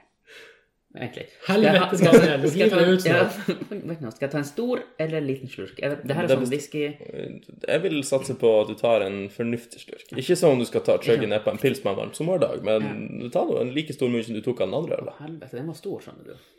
Men Så minimer den litt. Du har veldig lyst til å drikke den. Ja, nå, nå, nå. Ja. Ikke brekningsrefleks, det er jo Nei, bra det, tegn. det var ikke Ja. brekningsrefleks. Um, den var ikke så ille som jeg skulle tro. Jeg tipper det var ikke den tilbakemeldinga de håpa på når de sendte ut den øla der fra bryggeriet. Nei da, men, men det her er jo ikke beregna for meg, den her øla. Nei. Uh, men jeg kan drikke den her sånn som den er nå, at vi sitter og koser oss. Jeg kjøper ikke ei sånn flaske for at jeg skal ut på byen etterpå. Det er ingen som gjør det. Uh, jo. han, han gjør det. Super Ja, men uh, Når jeg, var, når jeg studerte, så var det sånn ja, hva var det, Skal jeg kjøpe en sixpack med pils som jeg syns sånn eh? Eller skal jeg bare kjøpe to Imperial Stouter på sånn ca. 10-13% og så drikke de to, og så går du på byen? det må jo egentlig være genialt. Ja, ja. Og så er det, at det tar jo lang tid å drikke den, altså. Jeg kommer jo ikke til å chugge dette her. Altså. Det er jo nattsvart, og det er jo Ja, det her er jo ganske mørkt. Ja. Og så er det jo tungt i tillegg. Altså. Det er jo mye smak i form av eh, fat her. Kjenner han veier litt eh, ekstra tung. Ja. Ja, altså, Men, men den var ikke så eh, markant på tunga som den uh, Laugassen, altså. ja. Laugassen har jo noe mer krydderton, og det er Ja. der vi kjenner da krydder det setter seg som regel. Men, eh, men du fær jo, når du drikker den her, så fer du jo på ei gammel kai, og det er oljelekkasje og sjøsprøyte og alt det her. Ja, jeg skal ikke si noe imot det. Jeg syns det var en veldig litt sånn romantiserende beskrivelse. Det har jeg faktisk rett i. Det, luk det smaker litt sånn som det lukter nedi gamle båter. Ja. Mhm. Du skal bare og. Er det noe skal være, er noe skal være sånn, men på en god måte? Ja. Den gode delen av det. Ja. Ja, litt sånn, altså litt sånn Hva man skal si? Litt sånn eh, ja, Når du er med han bestefar på tur i båten, sant, og så det er gode opplevelser Altså, du blir ikke å finne denne lukta nå, men det er den lukta du kjente når du var Ja, nettopp. I en gammel trebåt med Ja. litt sånn olje og sånn. Ja, og ja. Ja, og det er noe jeg skal være sånn, Dette er det jeg elsker når det kommer til smak. Det at smak og minne er så tett knyttet opp mot hverandre. At hvis du kan ta og smake på ting bare det her minner meg akkurat om det der. Jeg har drukket øl som minner meg liksom om eh, Dere har vært borti litt sånn gomme, ikke sant? Så har dere det der med søst, som er da med rosiner og litt sånne ting. Når jeg drikker visse typer barleyvann som er vellagra, så har jeg en sånn såkalt søst-test. Det er kun jeg som har den testen. at Hvis den jeg minner meg om at jeg sitter hjemme hos bestemor med en vaffel og med søst på, og den barleyvann smaker akkurat sånn Fantastisk. Dette er en top notch barleyvann. Fantastisk. Den er det er, perfekt. det er ekstremt subjektivt. Ja, det er super- altså, mange du har. Nei, det, det er akkurat det som er greia. Hva dette referansepunktet er. Sånn som, det er litt sånn som noen kjenner sitrus og tenker såpe. Ja. Og nå kjennes sitrus så tenker appelsin. Jeg hadde blitt overraska hvis bare Oi, vet du hva, nå tror jeg pika var hos bestemora til han Brede og spiste hva for med røst. Nei, med røst. Med søst. Ja, Røst. Søst. søst, ja. Søst. Røst. Røst, ja. Vafler med brøst. Spiste vafler med brøst. Du legger den dobbel, og så klasker i hop inni vafla. Mm. sånn, Interessant, bilde. litt sånn eh, syltetøy også. Nei, den her, den her kan ikke jeg drikke masse av. Bra vi er tre stykker om flaska. Ja. Det er sant. Jeg setter pris på den her. Jeg syns den var Jeg synes den var fin. Jeg kan, gå, jeg kan gå og drikke en sånn der, eller sånn her type, liksom ha den og gå og drikke den en hel kveld, liksom. Ja, ja, det er akkurat det. Og det er jo sånn, hvis du skal holde det litt roligere ikke sant, Ja. på alkoholfronten, så man trenger jo aldri gå bli stupfull. Ikke sant? Og det er sånn, du får jo veldig mye av de samme smakene du kan finne eksempel i litt, litt særere whisky, ikke sant? Sånne ting, eller litt, ja, i hvert fall Islay-whisky. Og da blir det litt sånn, ja, får litt ekstra også, for du har en viss sødme. Jeg kjenner en ganske kraftig sødme, litt sånn karamell, hint av vaniljesødme inni. Jeg liker det. Jeg vil nesten, ja, jeg vil nesten si vaniljesukkersødme. Eller sånn, altså sånn druesukkersødme. Som kraftig, men forsvinner. Jeg syns også den har, i hvert fall på smak, så er det at det er ikke uvanlig når du får veldig mørk øl, for at den brenningsgraden på, altså, på selve malten vil kunne gi litt sånn hint av eh, Ikke uvanlig, men hint av lakris, det kan gi hint av soya og sånne ting. Jeg har drukket øl, det er som å drikke ren soyasaus. Det, det blir litt for meget for meg, for å se på den måten. Jeg vet ikke om jeg tør å la deg smake min barley wine. Den er jo ikke lagra på noe som helst fat. Ja, null stress. Jeg elsker ufatlagra barley wine. Den er lagra i kjelleren i huset her. i... Ja, nydelig. Nydelig.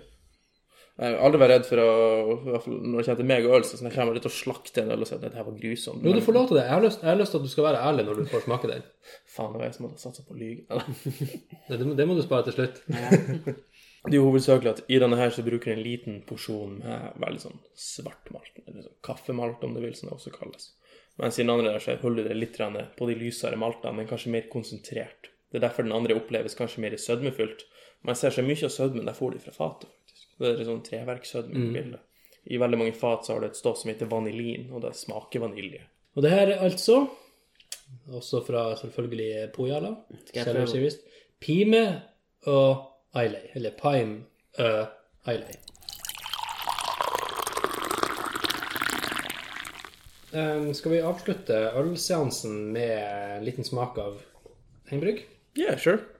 Uh, den her er en ganske ordinær barley wine. Jeg husker ikke akkurat nå så mye av oppskrifta, men uh, den er brygga i 2017, som sagt. Den er, har stått lagra i en litt kjølig kjeller. Enjoy. Jeg aner ikke hvordan den smaker nå.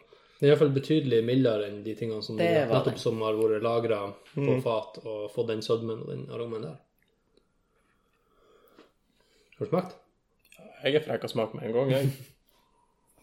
Jeg skal ikke lyve, den her var jævla digg. Ja, det er faktisk. Det er lenge mellom slagene å drikke en ufatlagra barley som jeg syns faktisk er digg. Og dette her var jævla godt, for du får Du får ikke alt den der veldig sånn Du får ikke den superferske frukten, men den vil du få om kanskje to-tre år. Etter hvert som den lagres. Jeg antar du lagrer den litt relativt kjølig. Ja, de står på en rundt eh, 13-14 grader ja. i kjelleren. Perfekt. perfekt. Det er sånn man skal lagre øl. Og vin, for så vidt. Eh, og det at du får mye nøttetoner nå i begynnelsen Jeg kjenner jo at eh, du har ikke brukt altfor mye humler heller. Og det er godt å, godt å smake. For at for mye humle, da, vil den bare, da kan den stå ekstra lenge, selvfølgelig. Men du får ikke de smakene du vil ha ut av en barley wine med en gang. Hva du, hva, du, hva du kaller det for? Barley wine. Eller du Barley Bar wine. barley wine, ja. Barley wine. Barley Så du kan også kalle det for byggvin. øh, og historien bak den er jo litt sånn interessant. Det var egentlig når, øh, når britene var i krig med så jævla mange land at de ikke fikk tak i øh, portvin og sherry og sånne ting, så var det OK, hva skal vi gjøre for å Bli full.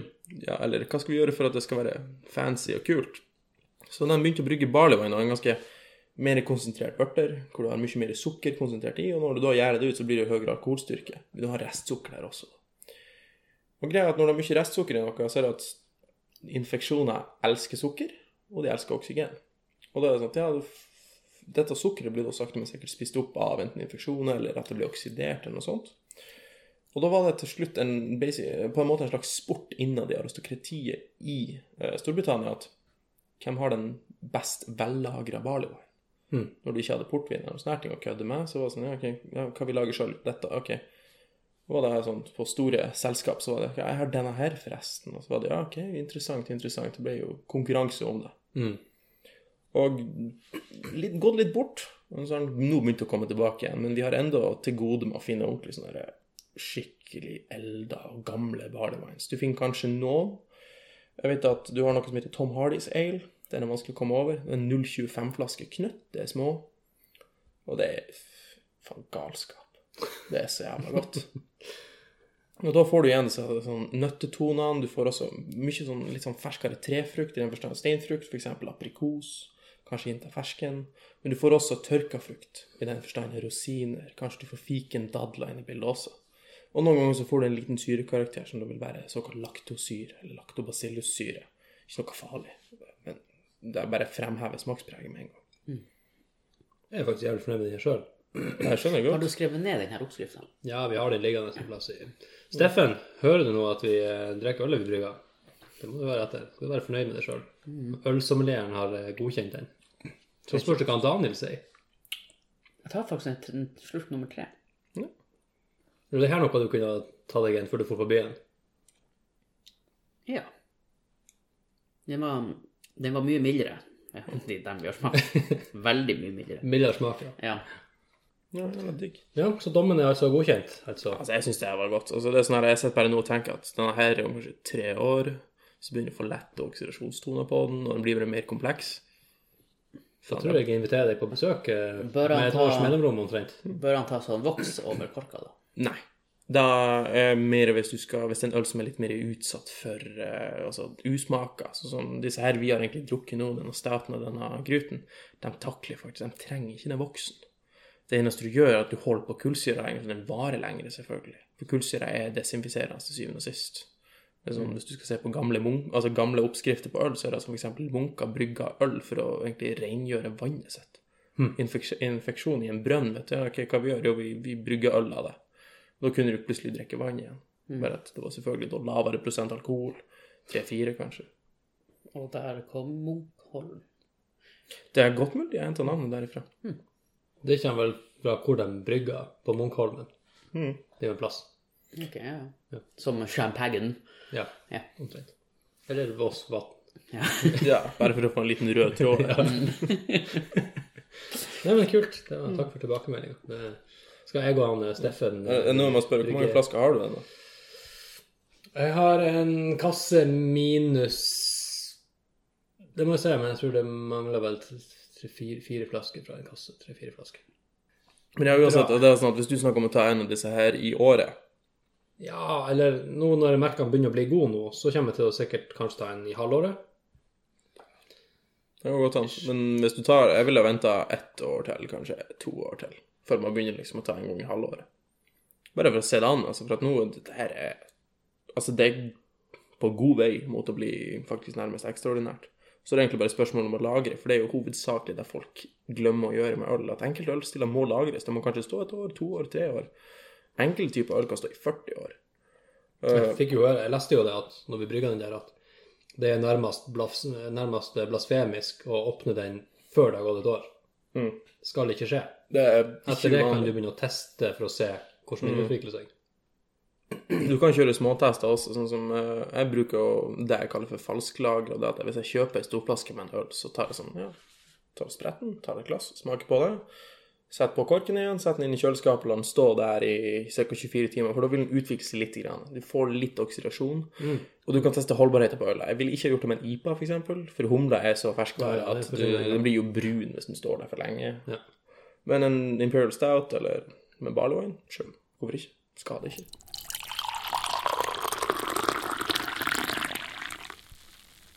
Skal vi da gå videre til dagens Du lyg!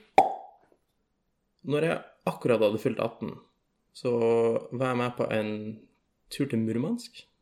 I Murmansk så har de eh, alkoholsperring på egentlig alt. Altså, I Norge så har vi jo denne her med 20 år, 22% og over. Greit.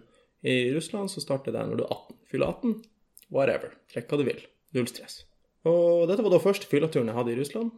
Tok en tur eh, senere noen år senere. Men uansett, denne gangen så var det at man ble kjent med flere folk. For jeg har en kompis, en av mine beste kompiser i, fra Murmansk. da, vi, Han var basically guiden min, og vi drakk oss selvfølgelig ganske amøbe.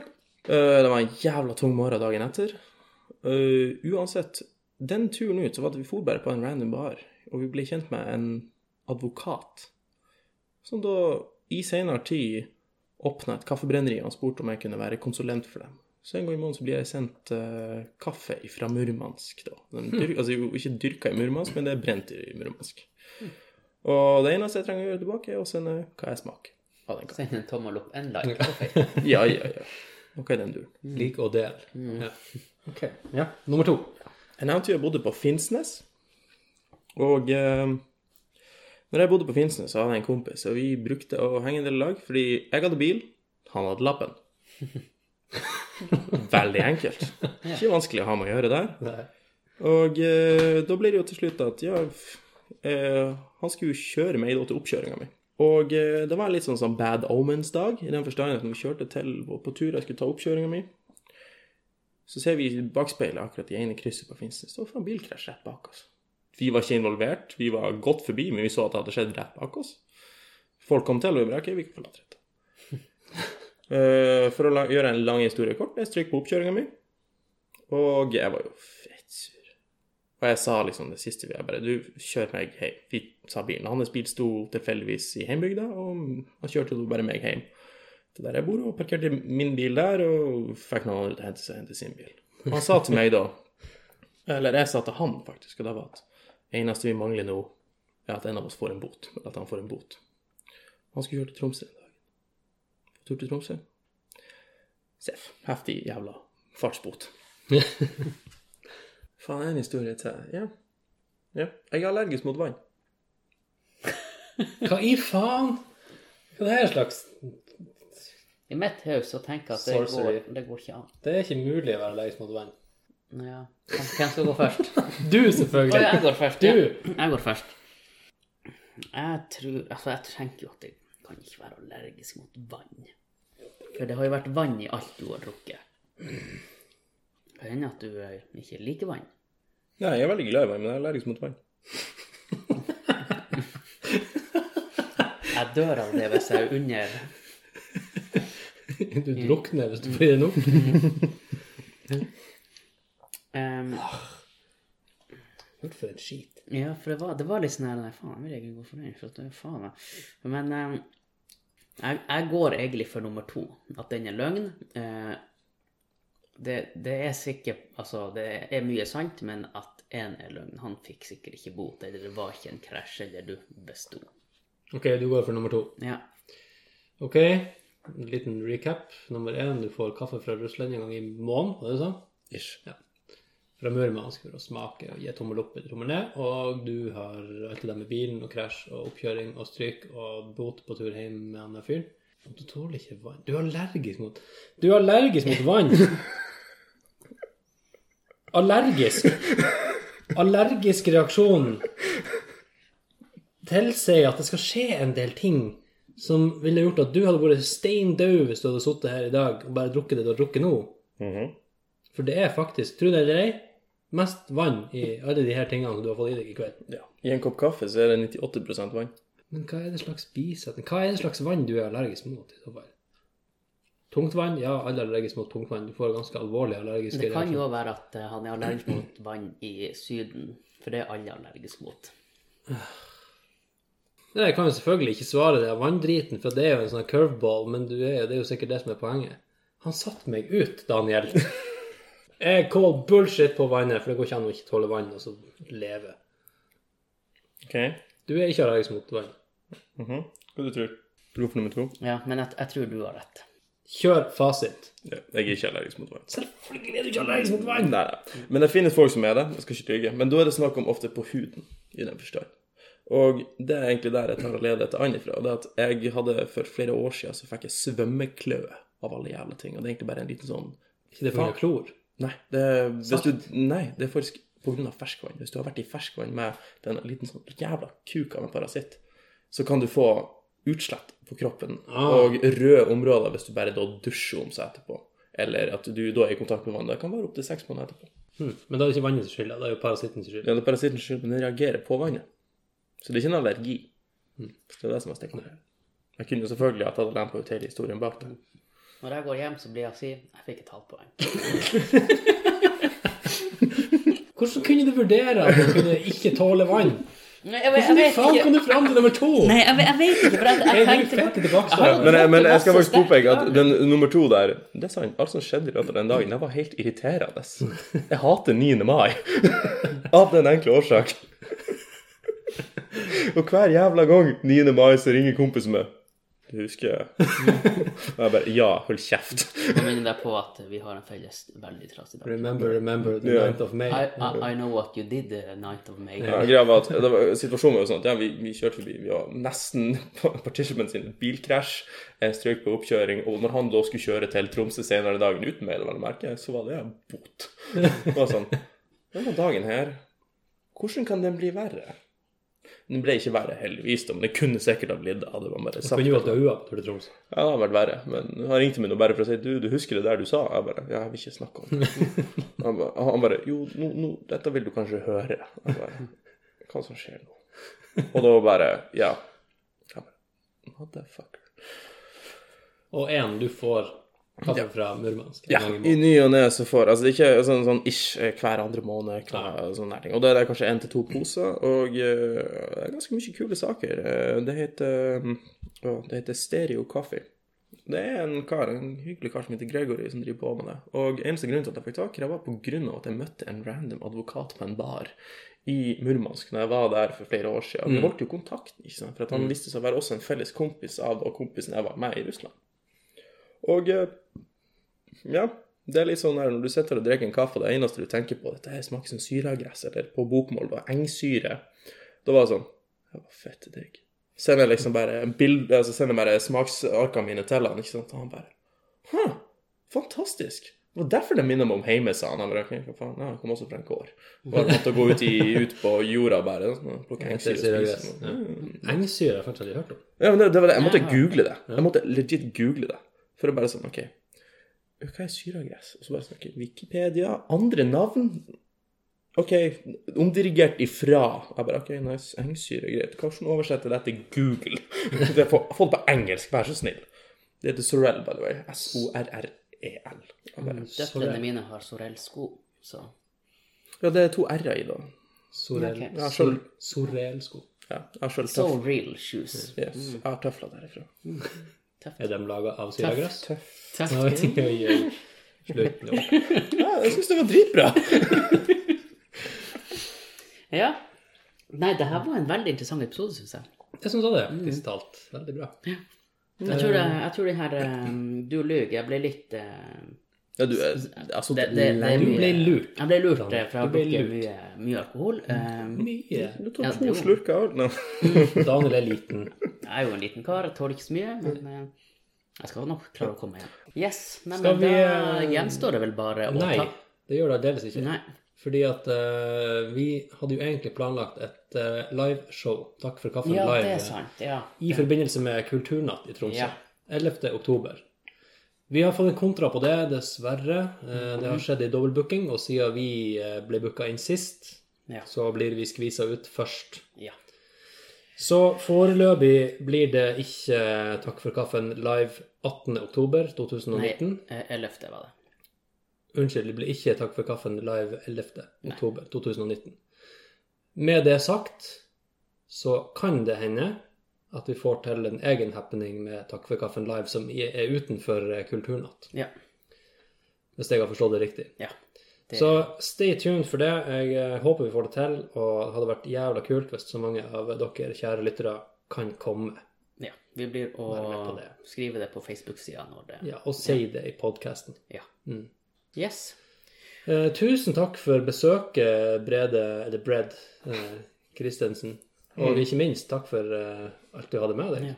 Takk for uh, kaffen og stouten og laugas. Ja. ja. Hva det var. Grout. Groot. En Groot, ja. Groot, ja. Ja, Men det er en sånn obskur del, så ja. Jeg skal ikke gå inn i detaljer. Vi trenger ikke det. Nei. takk for uh, alt, Ja. Ja. og takk for kaffen. Det er noe jeg skal også legge til at ja, hvis folk lurer på hvem jeg er, med og sliter med å legge til navn til ansikt, så er det at oh, ja. han med barten Men du der. sa du hadde mange navn på Ja, mange navn, men det er mange beskrivelser bare. Og den mest vanlige han var barten. Han med bart. Han med barten. Og da var det, jeg har en historie der, og det var at en kollega av meg, han nyansatt, og han visste jo ikke hvem jeg var. Jeg kjenner han fra før av. Og han tok og eh, han fikk eh, bestilling i baren. Det vanlige. Han står og ser helt sånn Hva det vanlige? Liksom og bare Han med barten vet. Er greia. Jeg var ikke på jobb den dagen. jeg var borte. Jeg, hadde, jeg, var, faen, jeg var på besøk hos foreldrene mine. Han sendte meg mer melding. bare, Hva er det vanlig? Jeg bare Vet da faen. jeg tar aldri noe vanlig. Nå viste det seg at jeg var en stamgjest da, som var så vant til at når de kom til barn, så visste jeg hva de likte. For jeg hadde servert dem det samme hele tida.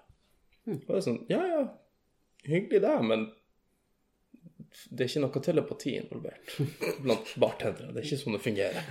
Blant bartendere. Oi, oi, oi, oi. Oh, Ja, den har jeg faktisk ikke hørt før heller. Ja. Love it. ok, men uh, da tenkte For at vi eh, barten. Eh, kaffen. Ja, takk for kaffen, og så avslutter vi med det. Hei! Ha det. Bro.